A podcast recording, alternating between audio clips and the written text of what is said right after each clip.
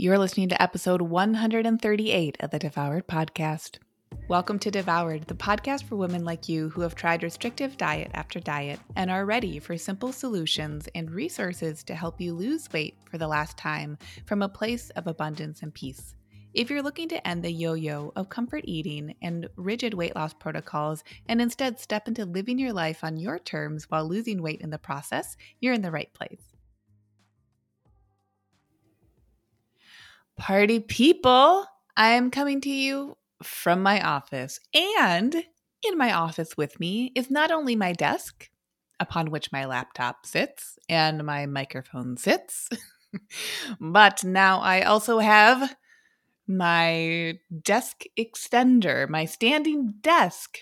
My boyfriend just made me a standing desk after I asked him for one last week, and I'm using it. Today is the first day, so I am standing up recording this episode and it feels so good. It feels so, so good. I cannot wait. I've been taking a couple calls today while standing up, and it's like, it's very energizing. I mean, I knew that. That's why I was looking for one. Ah, that's my news for the week. Okay, great episode. Thanks. See you next week. Bye. Just kidding. I want to talk today about intrinsic motivation. This is a subject that comes up for clients of mine in Lean and Liberated. And if you're not in the program yet, I got to tell you, what you waiting for? We're in 2021. I'd love for you to come hang out with us, have you step into this next phase of your life feeling so badass with your body, with your brain, with your heart, with your soul, all of that. Like, come on, let's rock and roll but it's something that we talk about in the program. And what I notice is that so much of the culture of dieting that we have all grown up in, eh, which to me is really like a very much a Western culture, diet culture is very Western thing. So much of what we learn by proxy through osmosis in our culture, our Western culture, is that our motivation needs to be coming from somewhere other than within ourselves. That our motivation, like even the concept itself, is this extrinsic thing, it's outside of us. And so, what I really find is that part of this process of weight loss for the last time, we really have to come into relationship with our motivation. And what happens is that we find that motivation, the reason motivation can feel so useful, it's like that spark in the beginning of making new changes for yourself, doing things that you want to do. The reason it can feel so exciting is because it can light up some things for our egos, meaning it can help us have more power or look a certain way or be managing to some degree the judgment of other people it's very exciting for our egos, right? They're like, yeah, I want to look this way. I want to do this thing. I want to be this person. And I do that by doing these things and having those things. So when we switch from extrinsic motivation into intrinsic motivation, what I find is that there's a bit of a like a hero's journey to be moving through. That it's not just like snap your fingers, what do you like? Go do the thing you like which is what people start to think when they change from extrinsic to intrinsic, we actually have a process of self discovery that takes a minute. Now, that minute might be a couple of days for one person, and it might be a couple of weeks or some months for another person. There is no wrong way to change. Extrinsic motivation will try to compel us into that change by keeping our focus on anything else except ourselves. And what do we find with that process? We find that it works in the short term. It's a little spark, gives us that catalyst to want to change, which is beautiful. We can be okay with that. That's a great thing. But what we can find is that then when that energy from the extrinsic motivation fades away, which it inevitably will because we can't carry things on the outside with us all the time, we only have what's on the inside for us, what we then find is that we start to feel like something's gone wrong when extrinsic motivation is no longer there, or it no longer feels the same as how it felt when we initially had that burst of motivation. So, this gets a little bit meta, which is why I wanted to bring it up this week as we're now in February and we've moved beyond the January diets and new year, new me. And we've had a January that was like great and challenging, like a lot of 2020, right? It was a big month. And I think a lot of us had to come to terms with this hope that we had had that this January could be softer than so much of what the months of 2020 gave us. And while there is what I want you to be carrying with yourself this week is this idea that your intrinsic motivation is as readily available to you as a story that extrinsic motivation is the only type of motivation out there. That's the story many of us have learned. Motivation comes from the outside. We have to internalize it, and then we have to keep on internalizing it to keep staying motivated.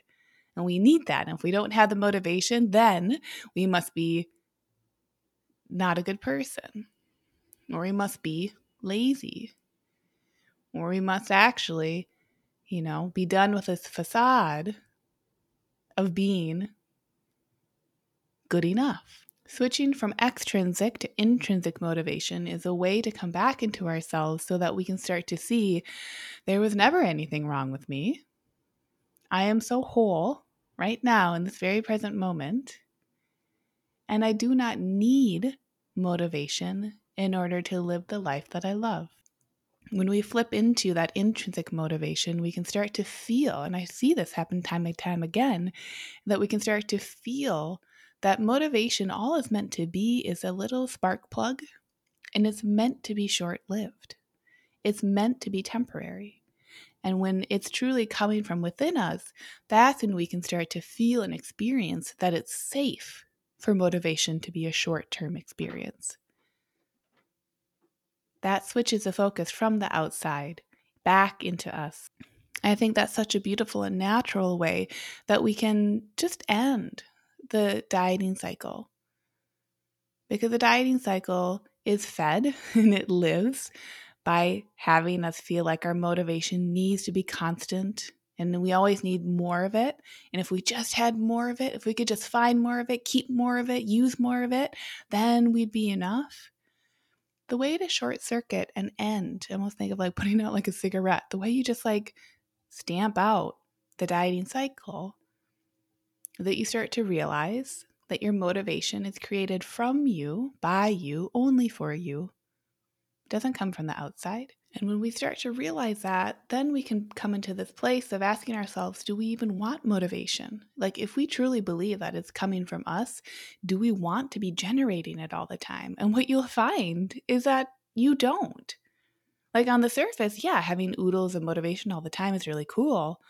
But if we dig a little bit deeper, it doesn't tend to align with what we truly value. And if you haven't listened to the episode on core values, I'll link it in the show notes. It'll be really, really helpful for you to listen to that one to add to this conversation once you really understand what is it that I value in my life for myself with what I do. I think what you'll find is that you can start to understand how motivation flexes with you. It's a support for you, but it's not the only support and that you have a whole life and a beautifully embodied life on the days when motivation arises naturally and also when it ebbs. It's like the tide coming in and out. High tide and low tide, neither one is wrong or right. They both simply are. Same with times and experiences of motivation. When we have more motivation, beautiful. And if we have less motivation, there's also space for that it doesn't mean we can't accomplish any of the things that we desire to accomplish. It actually means that we have more ability to be with ourselves through all of our actions. And that's typically what any of us want. We want to feel more present. We want to feel like we're really being and embodying that person that we desire to be, that the goal weight or the body size or the certain look or aesthetic that we have in our heads about ourselves, that's typically the core feeling that that visual is representative of. So this week, start to notice what motivates me? What have I noticed in my past? where would I like my motivation to be coming from? Can I allow myself to notice if experiences and expectations of other people is what has felt compelling to me? And if I would like to, I have the full ability right now, in this present moment, without digging into the research or like looking up all the things or doing this or that. I have full capability right now to allow myself to have that come from within and that I can trust that I always had motivation and that if I learned a story at some point in my life that I didn't have enough, that it wasn't long duration enough, that I had to get more motivation, I can start to release that that was a story from someone else, culture at large, or maybe someone in particular in my life. I can see that story for what it was, why it was given to me, and I can allow it to go back out. I no longer need to be holding on to that story. That's a lot of what we do in Lean and Liberated too. We have a whole module on that of the story work, of really saying, what have I been holding on to so innocently from other people? And once I have this awareness and I start to create safety around the fact that I now have this awareness, very meta, if you will, once we start to have that and we create conversation around that, that's when we can then start to say, this is how I will let this story go. This is how I will be showing up in my life in order to create the new habit of my own stories.